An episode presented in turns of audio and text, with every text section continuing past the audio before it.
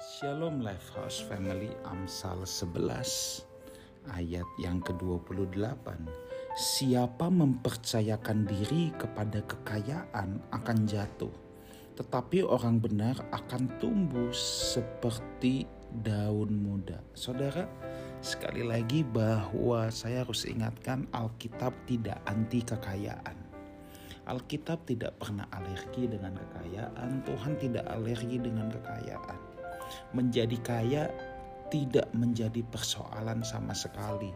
Nikmatilah, itu adalah berkat Tuhan, dan Tuhan pasti punya maksud dan tujuan ketika kita menjadi kaya secara materi. Tetapi di sini yang diperingati oleh Amsal, saudara, adalah siapa mempercayakan diri kepada kekayaan akan jatuh.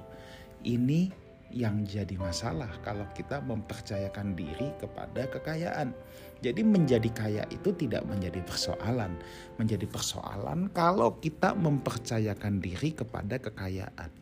Dan untuk saudara ketahui penulis kitab Amsal ini bukan orang yang gagal hidup, bukan orang yang susah hidupnya, ngutang kiri kanan, enggak. Ini adalah raja yang terkaya. Yang menulis kitab Amsal ini adalah orang yang terkaya yang pernah hidup di muka bumi ini, yaitu Raja Salomo. Dia sendiri yang berkata bahwa kalau dia mempercayakan dirinya pada kekayaannya, maka dia akan jatuh. Apa sih mempercayakan diri kepada kekayaan itu?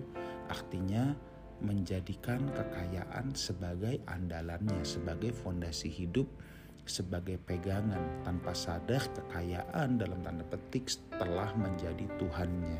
Saya tidak berkata bahwa uang itu tidak penting. Ingat ya, kita harus Eh, menyadari uang itu juga alat yang dipakai Tuhan. Bahkan Alkitab juga berkata, bersahabatlah dengan mempergunakan namun yang tidak jujur. Bersahabat dengan Tuhan dengan mempergunakan uang, bukan bersahabat dengan uang dengan mempergunakan Tuhan. Ya, saya juga tidak mau ngomong yang ngawang-ngawang, katanya uang gak dibawa mati. Oh ya, tapi orang kalau nggak punya uang juga seperti mau mati kan rasanya tentunya kita tidak mengecilkan uang ya kita tidak mengecilkan uang tetapi saudaraku ya kita tidak boleh mempercayakan diri kita kepada uang atau kekayaan nah ini yang harus kita tanamkan bahwa kalau saudara diberkati Tuhan secara materi luar biasa puji Tuhan untuk itu tapi jangan pernah mempercayakan diri kita kepada uang. Sikap hati kita terhadap uang harus jelas. Kita tuan, uang itu alat, uang itu hamba. Jangan sampai dibalik. Kita hamba, uang atau harta yang menjadi tuan. Nah, jangan sampai dibalik, saudara. Ya, makanya, saudara, kita harus tetap ya latihan beribadah, latihan hidup saleh, ya latihan beribadah itu latihan keserupaan, latihan hidup saleh. Kita harus tetap latihan beribadah supaya apa? supaya kita tidak menjadi orang-orang yang mempercayakan diri kepada kekayaan. Itu akan membuat kita terjatuh, saudara. Dan yang kedua, kita harus tetap giat dalam persekutuan, ya, dalam persekutuan sebab dalam komunal itu kita belajar untuk menghargai setiap orang, melihat setiap orang seperti Kristus memandang.